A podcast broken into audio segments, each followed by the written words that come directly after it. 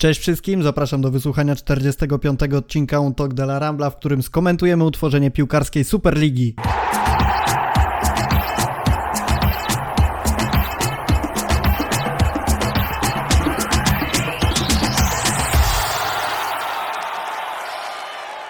W niedzielę rano przy nagrywaniu poprzedniego odcinka Julia powiedziała, że nie ma takiej opcji, żeby nie gruchnęła na nas jakaś niesamowita informacja w świecie piłki. Nie minęło kilka godzin, okazuje się, że Największe europejskie kluby tworzą Superligę, Messi zaczyna rozmowę o nowym kontrakcie, Aguero podpisuje praktycznie umowę z Barceloną, a do tego pojawia się nowy format Ligi Mistrzów. Także dzisiaj na pewno Julia musi być naszym gościem, aby wyrokować i przewidywać to, co się stanie w kolejnych tygodniach, kolejnych miesiącach. Siemanko Julia. a w, na, w najbliższym losowaniu Totolotka wypadną e, numery 12, 18, 36, 42, 57 i 71. Okej, okay, dzięki. A jeżeli chodzi o wkład merytoryczny, finanse, marketing, ekonomię i wszystkie inne takie bardzo ciekawe rzeczy, to tutaj nie mogło być innego gościa jak Błażej Gwozdowski. Cześć. Cześć. Słuchajcie, słowem przypomnienia o tym, co się dzieje. Tak jak powiedziałem, topowe europejskie kluby zdecydowały, że odłączają się od UEFA, a raczej chcą współpracować, odłączają się, to jeszcze sobie wszystko przegadamy.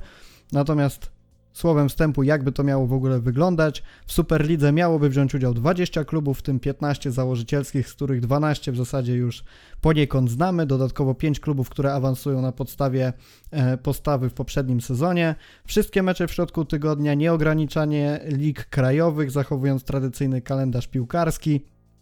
Rozgrywki rozpoczynają się od sierpnia.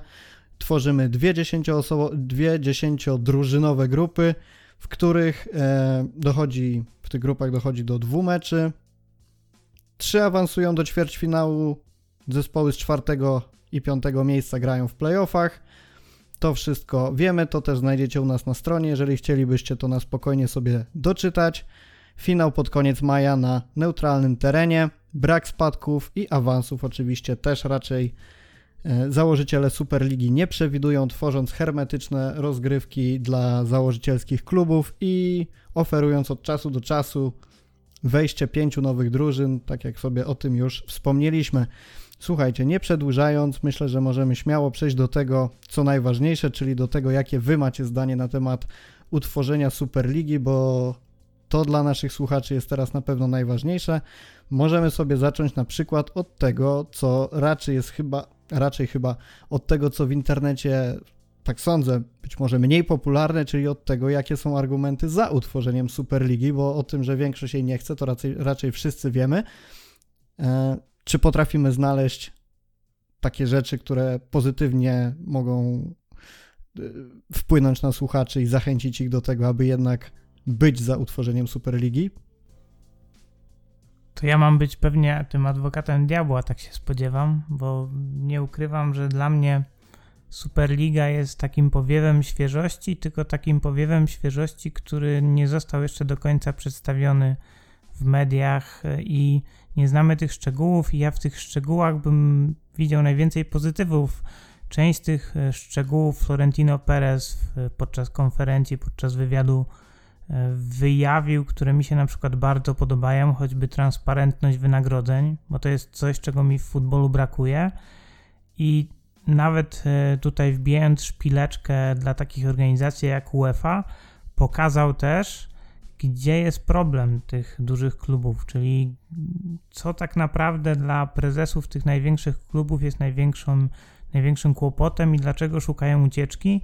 Nieprzypadkowo też dzieje się to w takim, a nie innym momencie, dlatego że wyprzedzili, można powiedzieć, o krok. E, te 12 klubów uprzedziło ogłoszenie nowej formy, nowej formuły Ligi Mistrzów, która miałaby się od roku 2024 rozpocząć. Więc było takie mocne uderzenie w stół i można powiedzieć, nożyce faktycznie się odezwały. I teraz jest, można powiedzieć, próba sił. I tak jak wspomniałem, dla mnie najwięcej pozytywów będzie właśnie w tych detalach, w tych szczegółach, a takim podstawowym dla mnie pozytywem będzie ominięcie tego, można powiedzieć, dla mnie skandalicznego pośrednika, jakim stała się UEFA, dlatego że cały futbol robią właśnie przede wszystkim te duże kluby. Jeżeli ktoś jest kibicem, nie wiem, Lecha Poznań czy Lille, to przepraszam, ale futbol jest robiony przez te wielkie kluby. Jeżeli wielkie kluby zaczną e, mieć problemy finansowe, a pandemia sprawiła, że mają i to potężne, to małe klubiki też zaczną na tym cierpieć, dlatego że mniej ludzi będzie ten futbol w ogóle oglądać w telewizji, co już się dzieje, mam wrażenie. Więc ja miałbym do Was w takim razie pytanie, jaka jest alternatywa? Alternatywa dla utworzenia Superligi, a jednocześnie wyłamania się z UEFA, to masz na myśli?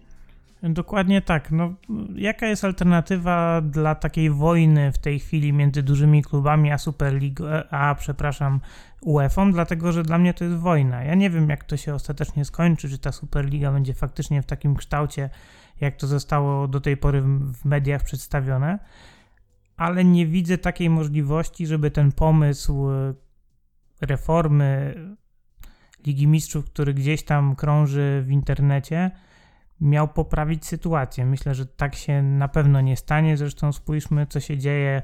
Mamy super puchar Hiszpanii grany gdzieś w takich egzotycznych regionach. Pomysły organizowania Mistrzostw Świata w grudniu. To wszystko jest po prostu, można powiedzieć, takim spacerem po linie, który wykonuje, wykonują te największe organizacje regulujące wszystko i jeszcze na dodatek pośredniczące i dystrybuujące finanse, które, które gdzieś tam futbol generuje, pieniążki. Więc dla mnie to balansowanie na linie przestało się podobać faktycznie tym wielkim klubom i stąd taka, taka, a nie inna reakcja. Więc ja uważam, że taka wojna musiała się wydarzyć po to, żeby się wyłoniło jakieś rozwiązanie, które zaakceptują wszystkie strony, bo nie da się ukryć, że Tutaj e, nie może być tak, że tylko jedna strona zwycięża, dlatego że jeżeli będzie wojna, która pójdzie faktycznie do końca, no to można powiedzieć, że bez tej drugiej strony e, każda będzie przegrana. Więc tutaj, tutaj musi być jakiś kompromis, może nie tyle kompromis, co warunki podyktuje jedna strona, ale druga będzie musiała wyciągnąć z tego tyle, ile będzie mogła pod siebie i, i efekt końcowy poznamy pewnie za być może nawet 2-3 lata, bo to nie jest powiedziane, że to się zacznie za rok, czy, czy, czy, czy po tym sezonie nawet. Co do alternatywy, to ja nie widzę innej alternatywy niż Superliga. I jedyne, co mi przyszło do głowy, to to, że UEFA pod tak silnym naciskiem e, działaczy związanych z Superligą zdecyduje się po prostu na jakąś kolejną reformę swoich rozgrywek i przemodelowanie jeszcze raz tego systemu, ale to wydaje się wręcz absurdalne, tym bardziej biorąc pod uwagę, w jakim momencie ta Superliga powstaje. UEFA tak naprawdę nie ma teraz czasu, żeby jeszcze raz wdrażać kolejne zmiany i no jakby nie ma tutaj mowy o tym, że powstaną, powstanie trzeci model rozgrywek, jeszcze alternatywny, alternatywny do Superligi i do Ligi Mistrzów UEFA, więc tak naprawdę fantastyczny ruch, jeżeli chodzi o to, co zrobili działacze związani z Superligą, bo jednocześnie postawili UEFA pod ścianą, jak również zablokowali możliwość wejścia trzeciemu graczowi, także coś pod tym względem naprawdę fantastycznego. E, Julia, pytanie do Ciebie. Co Ty widzisz pozytywnego w utworzeniu Superligi i może zgadzasz się z tym, że utworzenie tych rozgrywek spowoduje, że e, osiągniemy większą liczbę prestiżowych meczów, zainteresujemy większą liczbę widzów. Być może jesteś po tej stronie, która twierdzi, że oglądanie takich spotkań jak na przykład Barcelona Hetafe czy Arsenal Fulham nie dają kibicom tyle emocji, ile powinny i trzeba je w jakiś sposób marginalizować? Wiesz co, ja chyba bym zaczęła od tego, że Błażej jest absolutnie jedyną osobą, która zdołałaby zaproponować e, jeszcze trzecią opcję w tym obecnym konflikcie. No, mnie się jednak e, wydaje, że zdecydowanie albo Superliga e, postawi na swoim, albo UEFA, albo co jest naj, najbardziej mm, prawdopodobne, wypracują wspólnie mm, jakiś kompromis. A co do plusów Superligi, no to ja tutaj myślę, że analizując takie rzeczy, warto jest odciąć troszkę swoje własne, prywatne opinie i odczucia kibicowskie od tego, co jest e, dobre dla piłki nożnej e, jako sportu, dla klubów, dla, dla lig, dla kibiców jako całości. To się o 4 e, miliardach, 4 miliardach kibiców na całym świecie mówi, także Myślę, że w tym przy, przy, przypadku warto bardzo posłuchać Florentino Pereza, który to bardzo ładnie wyłożył. Być może nie podał zbyt wielu danych, ale faktem jest i, i w badaniach, i też wśród e, naszych znajomych obserwujemy, że u młodych ludzi zainteresowanie piłką nożną bardzo spada. I jest to spowodowane zarówno nieco przestarzałym formatem, być może zbyt długą grą, być może zbyt nudnymi rywalami, być może z, z złymi zasadami. No tu jest bardzo wiele czynników do przeanalizowania, ale z pewnością sam krok w stronę uatrakcyjnienia rozgrywek dla młodych ludzi, którzy są potencjalnie bardzo, e, bardzo dużym źródłem przychodów dla takich klubów, jest e, bardzo dobry i potrzebny. To chyba też e, mówił Mateusz Świę Święcicki kiedyś, że teraz rolą dziennikarzy sportowych, a więc no poniekąd także nas, jest zachęcanie ludzi do oglądania piłki nożnej. Nie możemy się wypiąć i powiedzieć, że my piszemy, my nagrywamy dla tych, którzy chcą, a ci, co nie, to yy, do widzenia, no bo nagle się okaże, że, że ci, co chcą i, i, i z nami są, to jest ułamek tego, co było kiedyś. No i, i to jest właśnie analogiczne do tego, co muszą robić kluby. Także to jest na, na pewno plus.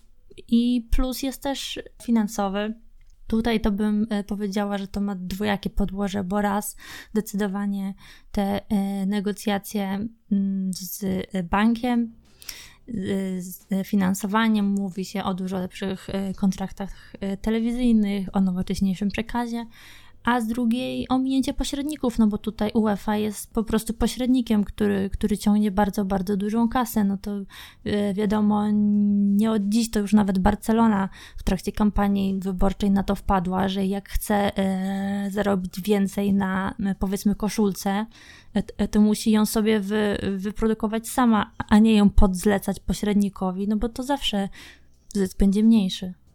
Słuchajcie, tak na bieżąco przeglądam jeszcze Twittera i powiem wam, że prawdziwy Meksyk serwują nam tutaj różni dziennikarze z różnych stron świata, ponieważ okazuje się, że przypomnijmy jeszcze, nagrywamy ten podcast o godzinie 20 w co dzisiaj jest poniedziałek czy wtorek? We wtorek.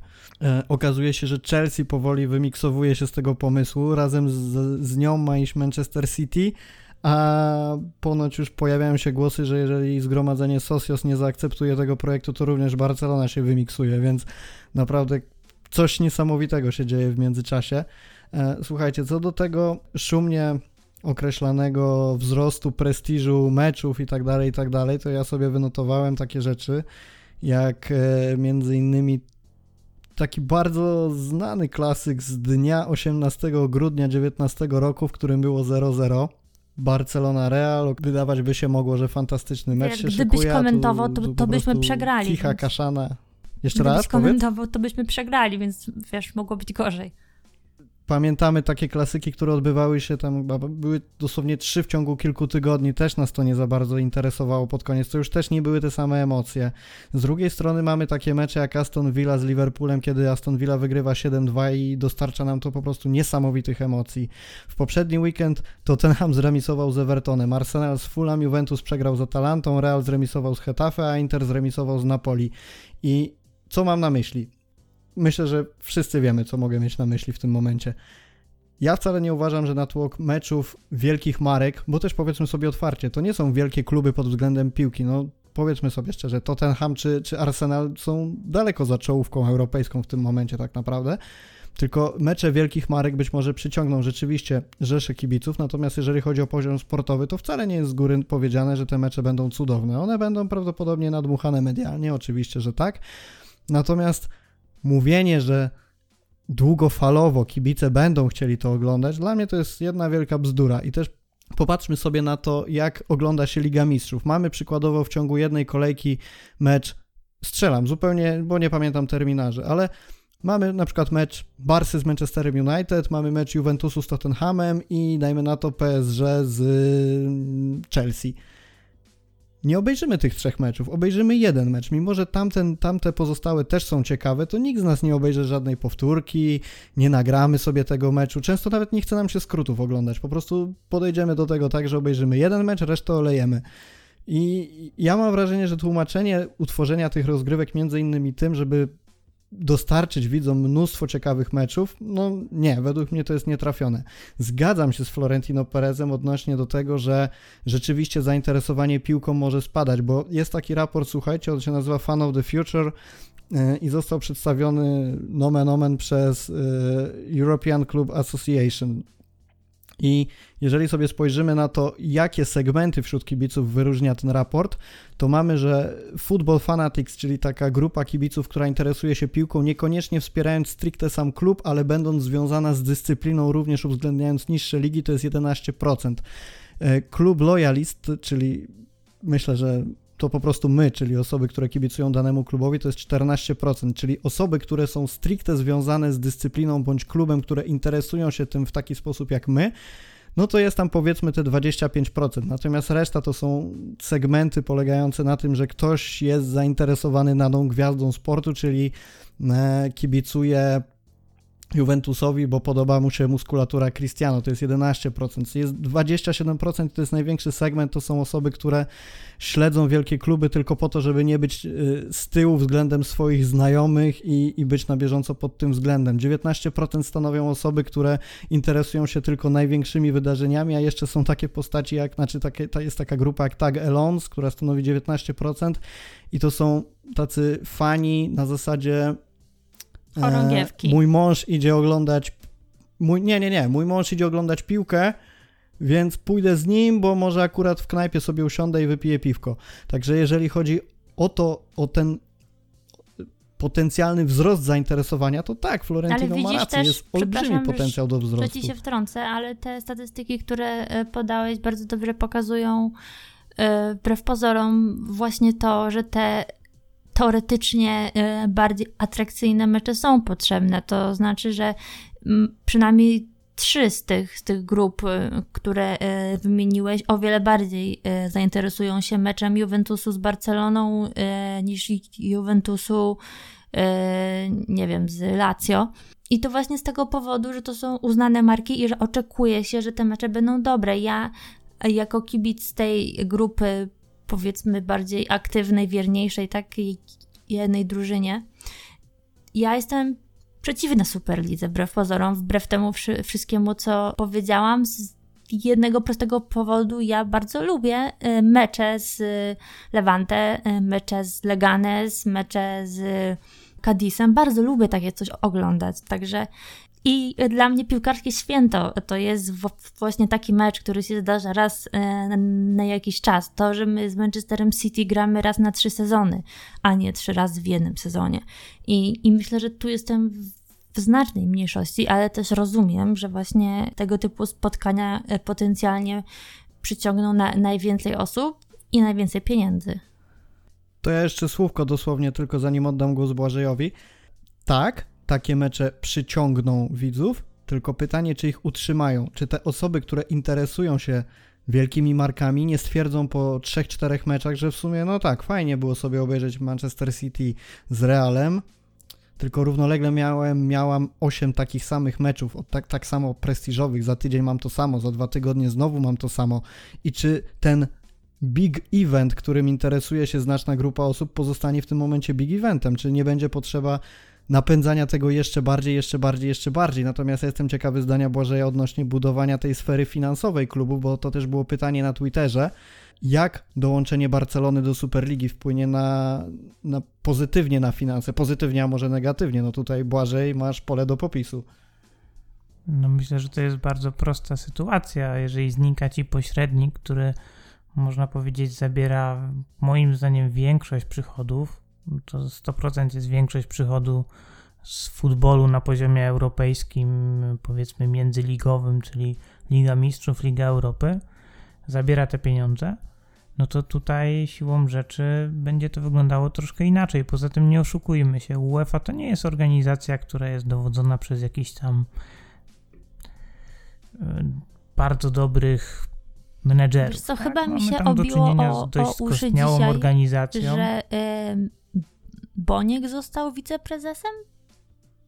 No dlatego mówię. Mamy, mamy taką sytuację, w której, w której jest organizacja, która obrosła w sposób niebotyczny. No tutaj może wejdę trochę w politykę i nie jest to e, naj, naj, najsensowniejsze w, może w tym momencie, żeby prowokować jakichś sympatyków danych partii, ale ostatnio przeczytałem, że polski rząd składa się ze 101 ministrów w randze ministra. Być może było tam była tam odrobina przesady i niewłaściwa interpretacja, ale mam na szczęście y, taką wiedzę, że zdaję sobie sprawę, ilu, ilu tych ministrów jest w krajach dużo większych od Polski i mnie to osobiście przeraża.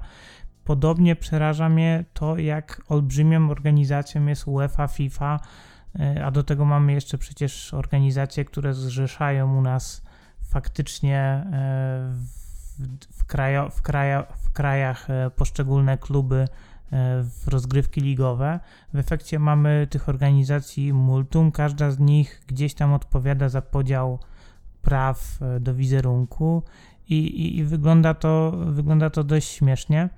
I tutaj mamy sytuację, w której nagle znika nam znika nam całkowicie ten pośrednik i wszystkie pieniądze płyną bezpośrednio do klubów, zarządzanych, przynajmniej tych największych, zarządzanych przez naprawdę dobrych menedżerów, więc całość, e, całość e, wygląda bardzo obiecująco moim zdaniem. I, i mam nadzieję, osobiście mam nadzieję, że to wszystko będzie e, właśnie w tym kierunku zmierzać i ta sytuacja klubów finansowa bardzo się poprawi, dlatego że 12 klubów może się dużo łatwiej dogadać z jakąkolwiek organizacją, która chce, czy firmą, która chce sponsorować futbol, niż organizacja typu UEFA. Ja sobie nie wyobrażam, żeby nie było dużo lepiej.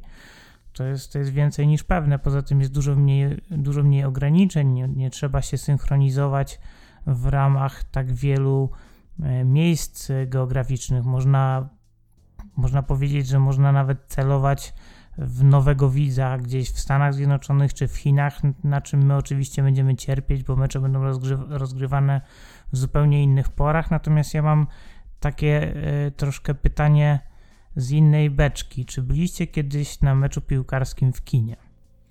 Nie byłem. Szczerze mówiąc, nie byłem i żałuję, bo podobno fajnie. No to, no to ja chcę tylko dodać, że naprawdę wielu kibiców na te mecze do kina chodzi, ale jakie to są mecze? Znaczy ja szczerze mówiąc widziałem ofertę tylko Ligi Mistrzów, więc jeżeli są jakieś inne, to o nich nie wiem albo ich nie ma. No bo ich nie ma. Mamy ćwierćfinały, półfinały i finał Ligi Mistrzów, które są w kinie faktycznie e, puszczane, tylko i wyłącznie dlatego, że to są mecze, na które przyjdą kibice i zapełnią tą salę i i taka jest idea też Superligi, żeby być może faktycznie macie rację, że sytuacja będzie wyglądać troszkę inaczej i będziemy mieć e, mniejsze zainteresowanie klasykiem przykładowo, tak, że ono troszkę spadnie. Ale jeżeli to e, wyrównamy sobie na przestrzeni całych rozgrywek Superligi, to to zainteresowanie średnie poszczególnymi meczami będzie dużo większe niż to ma miejsce w Lidze Mistrzów. Przypomnijcie sobie, jak to zwykle wygląda. Barcelona gra pierwszy, drugi, trzeci mecz, ma trzy trzy zwycięstwa i potem jedzie na jakiś wyjazd w zimą do Rosji, kopie sobie piłkę po jakimś kartoflisku w śniegu, wraca, daj Boże, bez żadnych kontuzji. Jeżeli wywalczyła remis, to awans już ma praktycznie zapewniony, więc gdzieś tam w Pradze jedzie na mecz y, treningowy. Później mamy mecze pucharowe. Dużo się mówi o tym, że spotkania pucharowe, faza pucharowa jest taka interesująca, bo przegrywający odpada. No ale wystarczy, że w pierwszym meczu jest 5-0 i w drugim mamy obronę Częstochowy jednej drużyny przed drugą i zero emocji, dlatego że no tutaj wiemy od razu, że jedna drużyna awansuje, a druga odpadnie. A w takiej rozgrywce ligowej, gdzie te kluby by ze sobą się tam kotłowały, to jestem sam ciekaw, jakby to faktycznie wyglądało. Być może mielibyśmy 6-7 zespołów, które do samego końca walczą o mistrzostwo. Jest to całkowicie prawdopodobne w sytuacji, w której każdy klub ma papiery, żeby odebrać punkty swojemu rywalowi, więc to jest całkiem możliwe. Więc byłoby troszkę więcej swobody na boisku, ja mam przynajmniej taką nadzieję, byłoby więcej odważnej gry, dlatego że każdy mecz był o, byłby o coś, nie byłoby spotkania, które jest o nic. Każdy byłby o prestiż, każdy byłby o punkty, więc ja tu widzę e, pewną możliwość zmiany, że te spotkania nie tyle by się nam ograły, co one wreszcie zaczęłyby wyglądać tak, jak powinny wyglądać, a nie jak w lidze hiszpańskiej, jeżeli Barcelona jest już, ma bardzo dużą przewagę nad Realem, no to możemy się spodziewać, jaka będzie, jak, jak będzie wyglądał ten klasyk. Akurat może klasyk nie jest najlepszym przykładem, bo tutaj mieliśmy, mieliśmy zwykle e, taki, e, już utarło się powiedzenie, że nieważna jest forma, klasyk zawsze rządzi się swoimi prawami i do pewnego czasu faktycznie tak było. Ostatnio mam wrażenie, że jest troszkę inaczej. A w takiej super lidze na nowych warunkach to mogłoby być ciekawe spotkanie, mogłyby być ciekawe, mogłyby być ciekawe spektakle.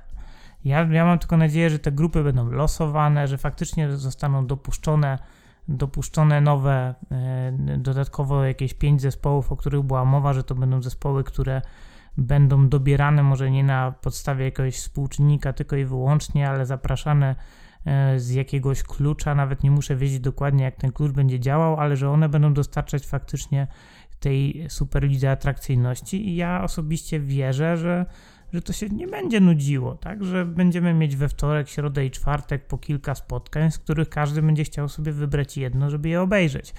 Być może ten przesyt futbolem w wykonaniu Superligi będzie na tyle duży, że faktycznie ligowe rozgrywki trochę na tym stracą, bo jeżeli ktoś sobie obejrzy we wtorek, środę i czwartek po, po, porządne spotkanie, no to już jakaś żona czy dziewczyna stwierdzi, no, no sorry kolego, ale wychodzimy gdzieś na miasto, nie będziesz mi siedział na kanapie i kolejny spotkanie w sobotę i niedzielę oglądał, więc tutaj może być jakiś kłopot faktycznie. Oczywiście żartuję sobie, że to dokładnie tak będzie wyglądać, no ale ja osobiście nie oglądam ośmiu spotkań w tygodniu i nie sądzę, żeby, e, żeby taki przeciętny Kowalski czy też e, jakiś mieszkaniec e, Wielkiej Brytanii chciał faktycznie poświęcić tyle czasu. Jeśli miałbym wybierać, które rozgrywki zwyciężą, no to stawiałbym jednak na Superligę. Słuchajcie, nagraliśmy jakieś pół godziny tego podcastu. Okazuje się, że możemy je powoli wsadzać do kosza, mówiąc w cudzysłowie bo jak podaje nasza redakcyjna Tiki Taka, media donoszą, że dziś dojdzie do spotkania 12 klubów, na których przedyskutowane zostanie rozwiązanie Superligi. E, jednocześnie czytam o tym, że e, również Atletico zdecydowało się e, odłączyć od tego projektu, więc może zapytam Was inaczej. Nie tylko co jest za ligą, za Superligą, ale dlaczego teraz te drużyny zaczynają powoli odpadać i dlaczego ten projekt Superligi w zasadzie zaczyna umierać po ilu? 48 godzinach od jego ogłoszenia. O co chodzi? Może to jest, Halo? to jest to, o czym rozmawialiśmy na samym początku. Nikt nie powiedział, że Superliga będzie wyglądać dokładnie tak, jak sobie te 12 klubów to wymyśliło. Jest to jakaś forma nacisku. Być może jakaś dokładniejsza analiza prawna spowodowała, że po, pojawiła się jakaś groźba tego, że będą faktycznie jakieś sankcje na te kluby nałożone i nagle nagle kilka klubów stwierdziło, że nie chce ryzykować, no tego dowiemy się, tak jak mówisz, z czasem. Te informacje będą ciągle napływać. Natomiast ja nie wierzę, że to ogłoszenie Superligi to jest zdarzenie bez konsekwencji. Moim zdaniem te konsekwencje będą i nawet jeżeli to będzie się nazywać dalej Ligą Mistrzów, to bliżej będzie nowej formule do Superligi nakreślonej przez Florentino Pereza niż do obecnej Ligi Mistrzów. Tak mi się przynajmniej wydaje, więc to, o czym rozmawialiśmy, moim zdaniem jest cały czas e, aktualne, choćby dlatego, że słowa Florentino Pereza to jest taki swoisty zbiór, swoisty zbiór postulatów. Za mało nam płacicie, nie ma transparentności, my ograniczamy nasze wydatki, a nie wiemy ile wy zarabiacie i na co to wydatkujecie, to jest całkowicie dla nas niejawne nie rozumiemy rozgrywek międzynarodowych, nie wiemy dlaczego mamy puszczać piłkarzy na spotkania, e, o który, które nawet oni sami nie wiedzą o co są rozgrywane, więc albo e, tą sytuację poprawimy i albo my będziemy zarabiać na piłkarzy, których zatrudniamy, albo futbol upadnie, więc taka jest retoryka i ja myślę, że to usłyszeli w tej chwili włodarze UEFA i FIFA i będą musieli coś z tym zrobić, bo ja sobie futbolu bez Barcelony, Realu czy Manchester United nie wyobrażam i myślę, że większość kibiców również. Więc ja chciałam przede wszystkim powiedzieć, że nie wiem, dlaczego teraz kluby się z tego wycofują, no bo jasne było, że za, zarówno to, e, kiedy ogłoszono informacje o Superlidze i w jaki, w jaki sposób to zrobiono, że to było e, na szybko, że to było w celu wywołania konkretnej reakcji. No to właśnie było takie bardziej e, pójście na wojnę z UEFA niż samo w sobie przygotowanie mm, rozgrywek, tak? Bo oni sami powiedzieli, że póki co e, kryteria awansu tych pięciu klubów są mm, nieustalone, e, że e, liczą na mm, rozmowy, na dialog i na kompromis. No i myślę, że taki był cel, ale rezygnacja z Superligi w 48 godzin po jej ogłoszeniu to jest jakaś farsa i z, pewnością nie było tak, że to było w taki sposób zaplanowane i, i wydaje mi się, że gruźb prawnych ze, ze strony UEFA tak naprawdę nie, nie e, było realnych. O wykluczeniu kogoś z Ligi Mistrzów, z Mistrzostw Europy mm, mowy raczej być nie, nie może. Także tak naprawdę Jedyne, co mi e, przychodzi do głowy, to, że e, kluby zwróciły uwagę na dość e, spory opór ze, ze strony fanów, tylko że z, z drugiej strony to jest takie trochę romantyczne myślenie, no bo czy, czy kluby to naprawdę obchodzi, ale z, z, z drugiej strony widziałam dzisiaj taki e, bardzo ładny transparent angielskiego kibica, który mi się spodobał i z, z którym się utożsamiam, czyli oddajcie mi moje deszczowe wieczory w Stoke, bo ja, ja, tak jak wspomniałam, jestem właśnie z tych e, kibiców, którzy lubią takie deszczowe wieczory w Stoke, także e, być może to było przyczyną, chociaż z drugiej strony, jak spojrzymy na ten e, nowy format Ligi Mistrzów, no to to jest praktycznie Superliga, tylko że z awansami, spadkami, z gorszymi klubami i, z pośrednictwem UEFA, tak? A sam, sam format jest poniekąd podobny i być może to w tą stronę po prostu pójdzie. Ja tylko wiecie co, zastanawiam się nad tym, jak zareagują, jeżeli nie dojdzie do tej Superligi, jeżeli rzeczywiście ten projekt upadnie jak się zachowa te 95% Twitterowiczów, którzy tak bardzo wychwalali te wypowiedzi Florentino Pereza o ratowaniu piłki, o tej dobroduszności, o tym, jak on to wspaniale zorganizował, kiedy okazuje się, że tak naprawdę kilka godzin później to wszystko pada. Z drugiej strony mam takie poczucie, które towarzyszy mi od samego początku, że ten projekt Superligi to wcale nie miał nigdy dojść do skutku. Znowu zaznaczam, jeżeli nie dojdzie bo może się okazać, że jak wypuścimy ten podcast, to jeszcze kilka rzeczy dojdzie do tego, ale zakładając, że ten pomysł nie dochodzi do skutku teraz w takiej formie, w jakiej występuje, bo być może temat wróci tam za 50 lat, oczywiście. Czy to nie jest czasem jakieś takie zagranie ze strony tych wielkich klubów, które w ramach wspólnego działania po prostu decydują się wywierać presję na UEFA i pokazać, słuchajcie, tym razem wam się upiekło, tym razem my pozornie pod naciskiem fanów, internetu, mediów, dużego podziału społeczeństwa, rezygnujemy z tego pomysłu. Wypisujemy się z tego, ale zobaczcie, co potrafimy zrobić w rok, w dwa lata. Jak potrafimy z dnia na dzień wstrząsnąć waszymi strukturami i doprowadzić do tego, że musicie się bać. I jeżeli rzeczywiście gdzieś to tam miało taki zamysł, uważam, że było wykonane naprawdę fenomenalnie. I teraz jak na to wszystko może zareagować UEFA? Są z nożem na gardle, są pod ścianą, muszą wprowadzić reformy na ten moment, bo wiedzą z czym to się może wiązać. Z trzeciej jeszcze strony, jeżeli rzeczywiście upadek tej Superligi wynikałby z tego, że na przykład prawnie jednak Florentino Perez nie ma racji i UEFA mogłaby za, zbanować drużyny na rozgrywki krajowe, e, mogłaby wykluczyć mecze reprezentacyjne, może gdzieś to wszystko zaszumiało w strukturach wśród działaczy Superligi i, i gdzieś jednak może ten projekt chcą odłożyć. Nie mam szczerze mówiąc pojęcia, natomiast nie wydaje mi się, żeby to było ze względu na naciski fanów, bo tu wchodzą w grę zbyt duże pieniądze i jednak jakkolwiek źle to nie zabrzmi, nie przeceniajmy swojej roli w budowaniu planów strategicznych klubów, bo tak naprawdę ci panowie w garniturach, którzy zarabiają bardzo duże pieniążki, uważam, że w bardzo niewielkim procencie interesują się tym, co my jako fani możemy sobie myśleć. Cały czas e, scrolluję Twittera, rozmawiając tutaj z wami, ale od jakichś trzech minut nic się nie zmieniło. E, także może przejdziemy sobie do tego, co mamy tak najbardziej przeciwko utworzeniu tej Superligi, bo dużo, naprawdę dużo komentarzy jest o zabijaniu romantyzmu futbolu, o wykluczaniu tych małych klubów i tak dalej, i tak dalej, co spotyka się z kontrargumentacją, że rzeczywiście ten futbol romantyczny jest tak naprawdę zabity i są takie, wiecie, żarty, że e, Superliga to zła, a UEFA to jest świetna i jest obrońcą, ostatnim bastionem romantycznego futbolu, co jest oczywiście bzdurą. Ja tylko powiem, dlaczego tak jest, co ja o tym sądzę, dlaczego trochę inaczej jest postrzegana UEFA niż Superliga.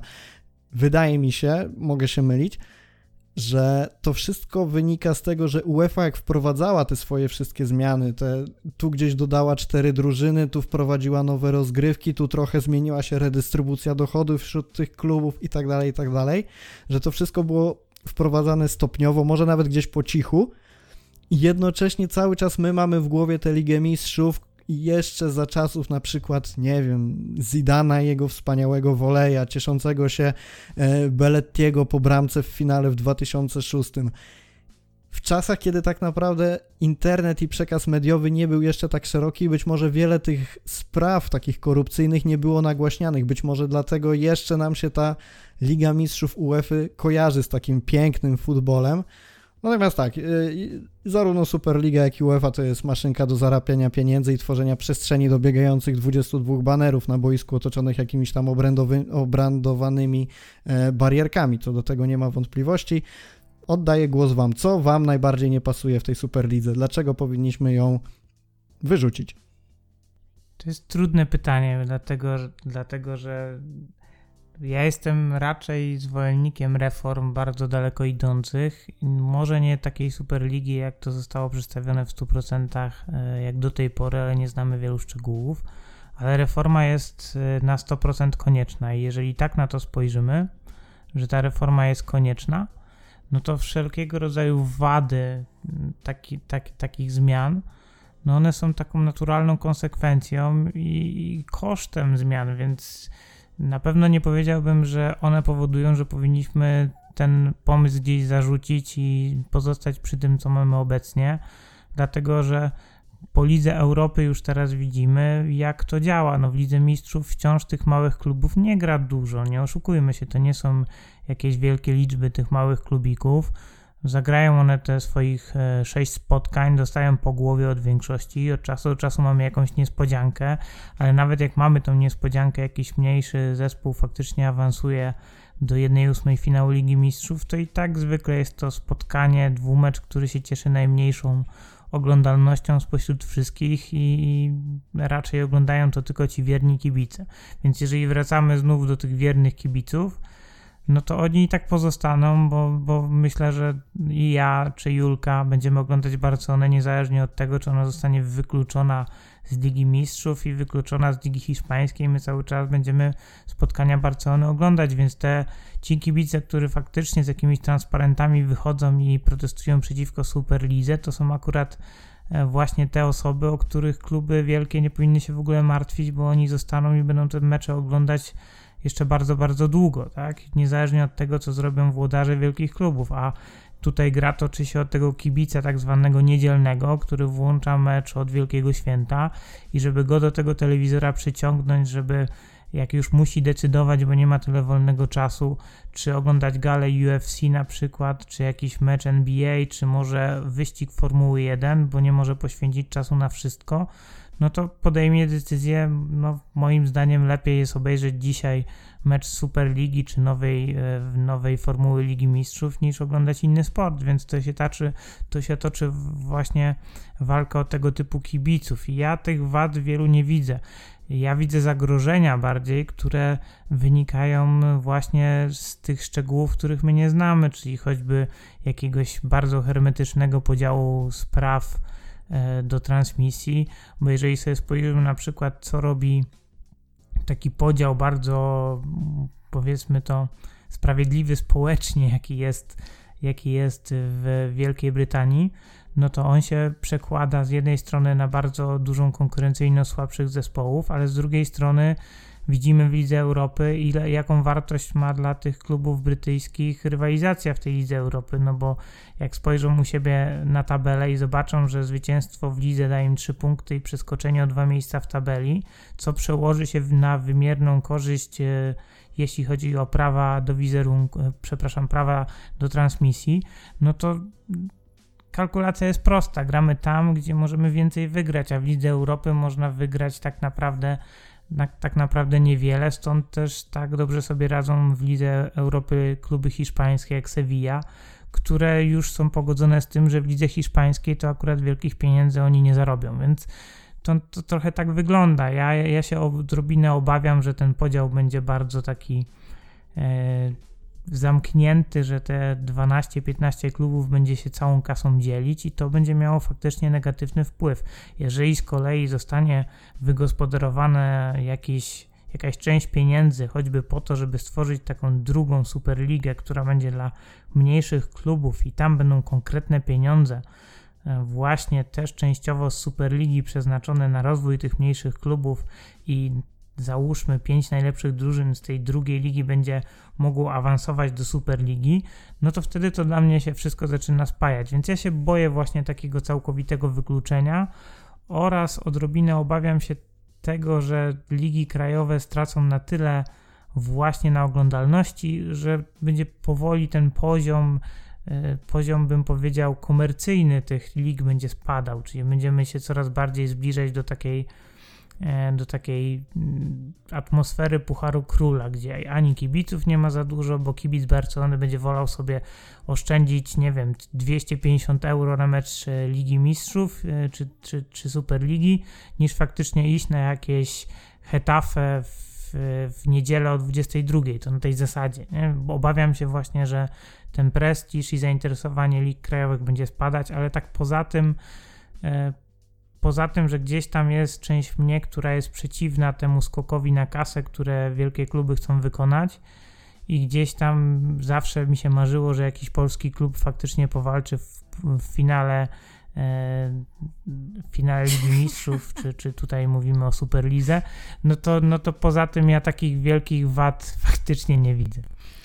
To ja może przedstawię trochę, trochę liczb. One będą oczywiście dość e, subiektywne, ponieważ pojawiły się badania zle, zlecone przez e, La Ligę, które opublikowała Marka, m, z których e, wynika, że e, Liga Hiszpańska na utworzeniu Superligi straciłaby prawie 2, 2 miliardy euro Równowartość tygodniówki we FC Barca. Tak, dokładnie, prawie 2 miliardy euro, e, a niemal 60 e, tysięcy osób stra straciłoby pracę. Idziemy dalej. Przychody ligi spadłyby o 43%. Wartość klubów nieuczestniczących w Superlidze zmniejszyłaby się o 66% a pieniądze prze, przekazywane Wyższej Radzie do, do Spraw Sportu i Federacji, czyli de facto tym ligom niższym i sportowi amatorskiemu zmniejszyłyby się o 61%.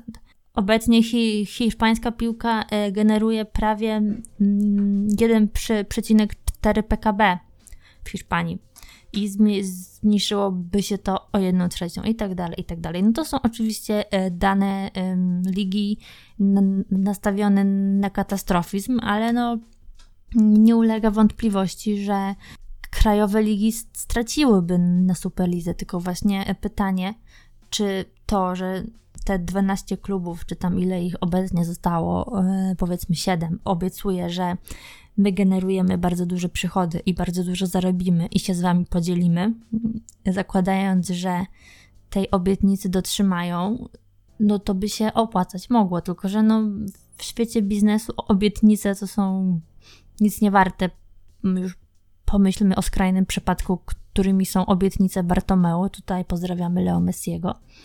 Także myślę, że myślę, że trze trzeba z, pe z, pewnym dystansem do y, tego podchodzić. Mnie osobiście z kibicowskiego y, punktu widzenia w takiej Superlidze przeszkadzałoby na, najbardziej to, że te 12 klubów nie, nie mogłoby z niej spaść, bo to już pomijając fakt, czy, czy to są obecnie e, najlepsze kluby, czy nie, dajmy na to tak, ale czy za 5 lat one dalej będą najlepsze? Czy z Barcelony nie zrobi się Milan, który teraz już się odbudował, a, ale też nie e, zrobił tego w jeden sezon? I czy nie, nie e, dostaniemy takiej warty Poznań nagle, która, która się znajdzie na, na, na stałe w Superlidze i nie, nie będzie jak jej wykopać po prostu? Potrafię sobie też wyobrazić taką sytuację, że, że taka ekipa założycielska jak Milan na przykład gdzieś w twoim włoskim e, takim upodobaniu do komplikowania sobie życia doprowadza do sytuacji, że zespół jest po prostu słaby i kończy na ostatnim miejscu w tabeli za tą piątką klubów, które gdzieś tam e, mogą z niej spaść i mimo to nie spada. Faktycznie to z kibicowskiego punktu widzenia no to jest e, rozwiązanie, bym powiedział, niedopuszczalne, żeby, żeby ostatni zespół, najsłabszy z wszystkich, nie mógł z tej Superligi spaść, więc moim zdaniem to jest dziwne. I faktycznie jest to jedna z tych rzeczy, których ja bym akurat w Superlidze faktycznie oglądać nie chciał.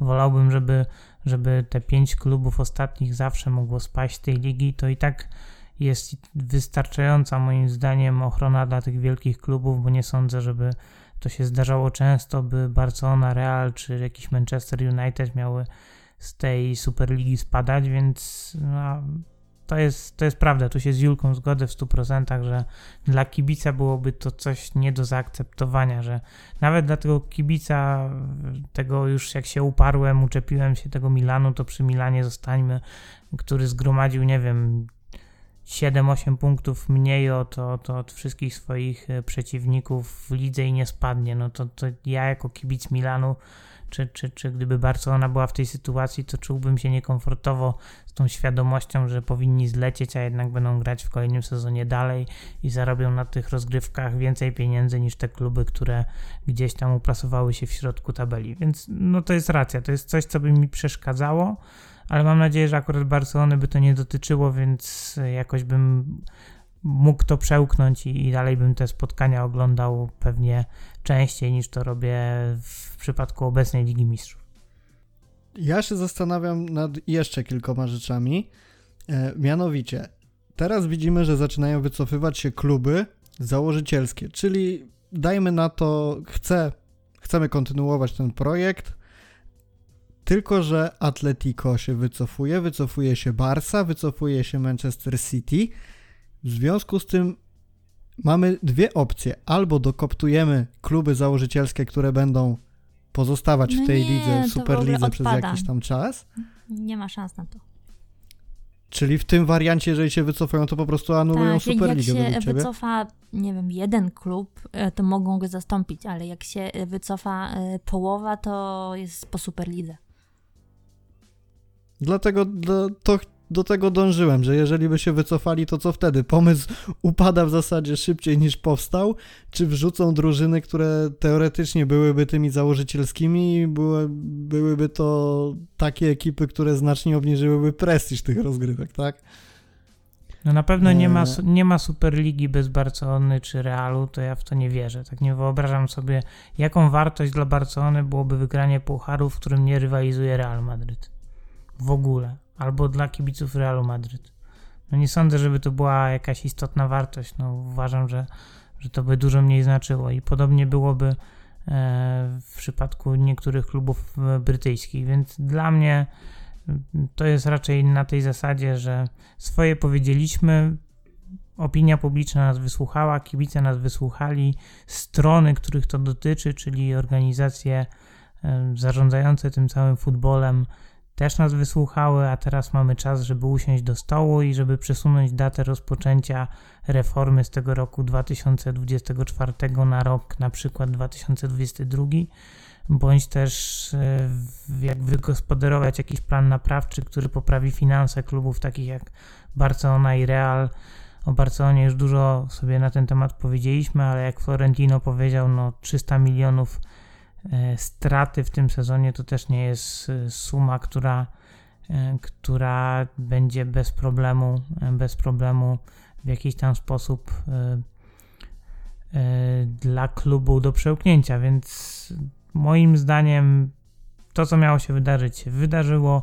Faktycznie PR-owo, jeżeli oni się teraz z tego wycofają, no to jestem sam ciekaw, w jaki sposób to zrobią, tak? No bo Florentino będzie musiał znów wyjść przed dziennikarzy i mam nadzieję, ktoś go dobrze przygotuje do, do, do, tego, do tej wypowiedzi i, i, będzie potrafił sprzedać nam kibicom e, bajeczkę, którą, którą kupimy albo którą będziemy chcieli kupić, e, bo, bo w tym wszystkim, e, w tym całym świecie futbolu ja mam takie wrażenie, że my bardzo chcemy wierzyć w ten, w, w ten sportowy charakter, w, tą, w, tą, w ten idealistyczny świat piłki nożnej, czyli sportu gladiatorów, a prawda jest taka, że, że gdzieś tam zapominamy o tych pieniądzach i przypominamy sobie dopiero wtedy, kiedy coś się faktycznie wydarzy.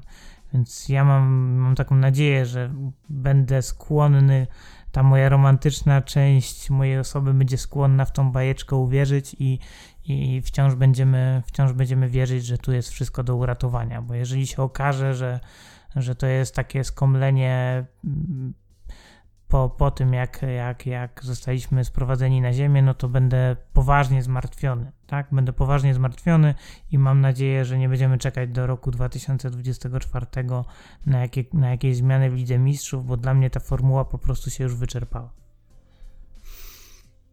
Zastanawia mnie, słuchajcie, jeszcze taka, taki aspekt, może mniej istotny tak naprawdę na ten moment, bo do końca nie wiemy, jak miałoby to funkcjonować i czy Superliga z UEFA by się dogadały. Jak wyglądałoby szkolenie młodzieży? Bo teraz mamy sytuację prostą. Mamy 19-letniego chłopaka, który chce się szkolić, wypożyczamy go do, z Barcelony do Realu Betis, on tam się ogrywa, ogrywa, ogrywa, wraca do Barcelony i prawdopodobnie nic z tego, znając zarządzanie Barsy. Ale jakby to wyglądało w przypadku Superligi, jeżeli rzeczywiście UEFA by się nie do końca zgodziła na takie manewry, czy w ogóle istniałoby coś takiego jak system wypożyczeń piłkarzy, no bo umówmy się, w obrębie Superligi takie coś nie miałoby absolutnie żadnego prawa bytu, no bo po co? Nie chcemy wzmacniać rywala, a też ten rywal nie chciałby ogrywać zawodników przeciwnika, tym bardziej biorąc pod uwagę, że nie byłby to zawodnik dobry, więc prestiż ligi by zleciał na łeb czy na przykład wypożyczanie takich zawodników poza Superligi do Ligi Krajowej, żeby się ogrywał. Nie wiem, jak miałoby to wyglądać, ale też ciekawy aspekt w kontekście powstania tego wszystkiego. Ale jeszcze jedna rzecz, o której dosyć mało się mówi. Wydaje mi się, że właśnie Mateusz Święcicki o tym wspominał. Ty, ty też, Julia, przytoczyłaś e, jedną z jego wypowiedzi.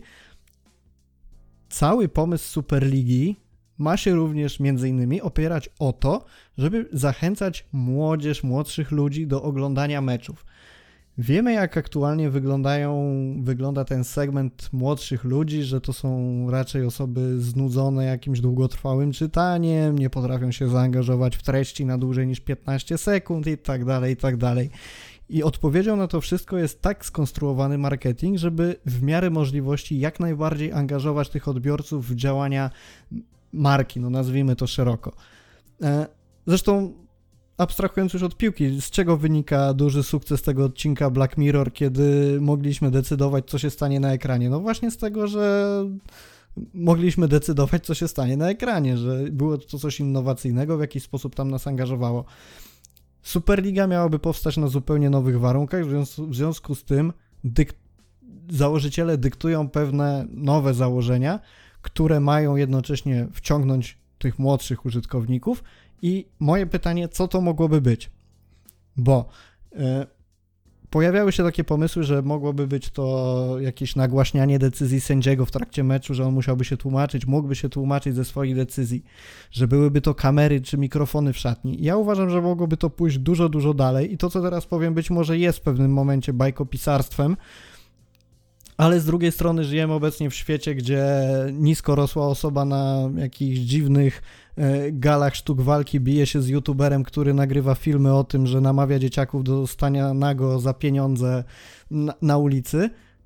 To się sprzedaje znakomicie, więc dlaczego miałoby nie być na przykład tak, wymyślam, ale to jest czarny scenariusz, który chciałbym przedstawić, Przychodzi kibic na stadion w tych już pięknych czasach, kiedy będzie mógł, ma w ręku telefon i za jakąś porcję 50 euro gąbek, Superligo gąbek, nie wiem, jakiejś tam elektronicznej waluty, może w jakiś sposób w aplikacji na telefonie zadecydować o tym, i tu strzelam, wymyślam, na przykład jak rozpocznie Barcelona mecz z Realem, czy na tej połowie, czy na tej połowie. Za więcej eurogąbek i konto premium może potem po meczu wejść do szatni. Za super konto premium może zadecydować, kto w głosowaniu jakimś tam, w którym bierze udział 10 osób, mogą wybrać, kto wykona rzut karny. Ja wiem, że to Ale to już istnieje, to już mało istnieje rozsądnie. e, jak najbardziej i e, Barcelona ma takie eurogąbki, jest taka aplikacja, gdzie się e, kupuje tokeny i za odpowiednią liczbę tokenów e, możesz brać udział w głosowaniach. E, Póki co są to głosowania nad rzeczami typu e, jaki będzie napis na mozaice przed, przed danym meczem i, i to już było jak najbardziej. Teraz się e, mówi, że nawet tam być może będzie głosowanie nad projektami strojów, chociaż to trochę upadło, także to co mówisz, czy na tej połowie, czy na tamtej, albo czy na banerze nad e, wejściem do szatni e, pojawi się, nie wiem, napis kocham cię Mariolka, no to tak, jak najbardziej myślę, że to jest kwestia czasu wręcz. Tylko wiesz, pytanie, do jakiej granicy to wszystko pójdzie, bo dopóki to jest mozaika, spoko, to jest jakby cały czas aspekt tego kibicowania. Napis kocham Mariolkę, no moim zdaniem to już jest gruba przesada, ale jeżeli dojdzie do momentu, kiedy kibice są w stanie realnie wpływać na to, co dzieje się na boisku, czyli tak jak mówię, super 1500 miliardów euro gąbek i ja decyduję, że karnego strzela nie Messi, żeby wygrać mecz, tylko strzelam, że wykonuje go Umtiti, który jeszcze, nie wiem, musi wejść z ławki, żeby to zrobić. Nie, bo to, to byłoby, z- To nie jest wcale byłoby takie- zbyt podatne na przekręty. To jest moim zdaniem główny powód, że ludzie by głosowali i kupowali i płacili celowo, y, żeby komuś za, za, zaszkodzić, y, podszywaliby się, hakowaliby ten system i myślę, że nawet nie ze, ze względu na jakieś ratowanie sportu czy na nie wiem, ducha gry i tak dalej, takie coś się nie wydarzy, a właśnie na póki co brak możliwości dobrego ogarnięcia tego. Do czego zmierzam? Cały czas ta granica wciągania kibica w wydarzenia boiskowe będzie przesuwana, a Superliga jest idealnym momentem, żeby przesunąć ją bardzo daleko w tę stronę, w którą ja bym nie chciał, bo jednak dla mnie piłka zawsze to była jakaś tam tradycja wartości, chociaż te już, jak wiemy, e, umierają i chociaż pewnie gdzieś te nasze propozycje tutaj mogą się ocierać o absurd i możemy zostać wyśmiani, to ja uważam, że jest to jak najbardziej realne, może nie, nie dziś, nie jutro, nie za rok, ale w perspektywie 10 lat myślę, że spokojnie takie coś może mieć miejsce. Słuchajcie, godzina na zegarze. Jeżeli chcecie dorzucić coś jeszcze do podcastu, to teraz jest najlepszy moment, żeby to zrobić. No ja jeszcze tylko dodam tutaj jedną rzecz. Ja się raczej nie spodziewam tego, o czym wy mówicie, że będziemy nie wiadomo jak wciągać kibiców. Nawet nie wierzę w coś takiego, że nie wiem, na bramce w czasie przerwy stanie rezerwowy bramkarz Barcelony i kibic wylosowany przez kamery, z, czy tam będzie losowany numerek e, siedzonka, na którym on sobie przycupnął, będzie mógł zejść i spróbować strzelić rzut karny, a jak mu się uda, to wygra koszulkę. I Takie i rzeczy takie były rzeczy co prawda mogłyby być, siatce, ale- mm, chyba. no, ja, ja, tak, no w koszykówce coś takiego jest regularnie, więc ja mówię, że jeżeli coś się takiego w piłce nożnej pojawi, to ja już i tak będę zdziwiony.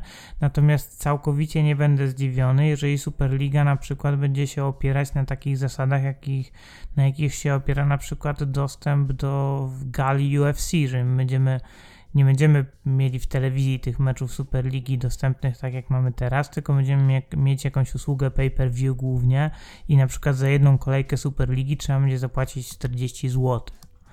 Na przykład. I to będzie dużo droższa impreza, i, i, i tego bym się spodziewał. I to jest też moja obawa, że w momencie, w którym stworzą się rozgrywki, w których e, do podziału jest taka duża kasa, no to też tą kasę większą będzie musiał płacić każdy kibic, i w tym również my będziemy musieli troszkę więcej pieniędzy wydać na, na oglądanie tego futbolu, więc, więc tutaj takiego kierunku ja bym się przynajmniej spodziewał, że, że wszystko będzie coraz droższe, że w trakcie meczu będziemy mieć reklamy, jeżeli sędzia będzie analizował VAR, to nie będziemy patrzeć na jego minę i się domyślać, czy tam mu mówią słuchawce, że karny był, czy karnego nie było, tylko będziemy oglądać zachwyt kotka nad Whiskasem, więc no tego bym się bardziej, bardziej spodziewał, że w tym kierunku to wszystko pójdzie i niestety to są akurat te zmiany negatywne.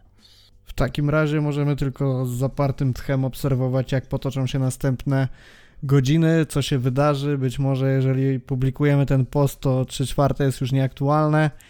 Trudno. Jeżeli, jeżeli tak się stało, to najmocniej przepraszamy, ale wydarzenia dzieją się tak dynamicznie, że trudno nam tutaj działać real-time'owo. Słuchajcie, dzięki wielkie, tak jak mówiłem, godzina nawet trochę ponad na zegarze. Byli dzisiaj ze mną Julia Dzięki. Cicha i Błażej Gwozdowski. Dzięki, cześć.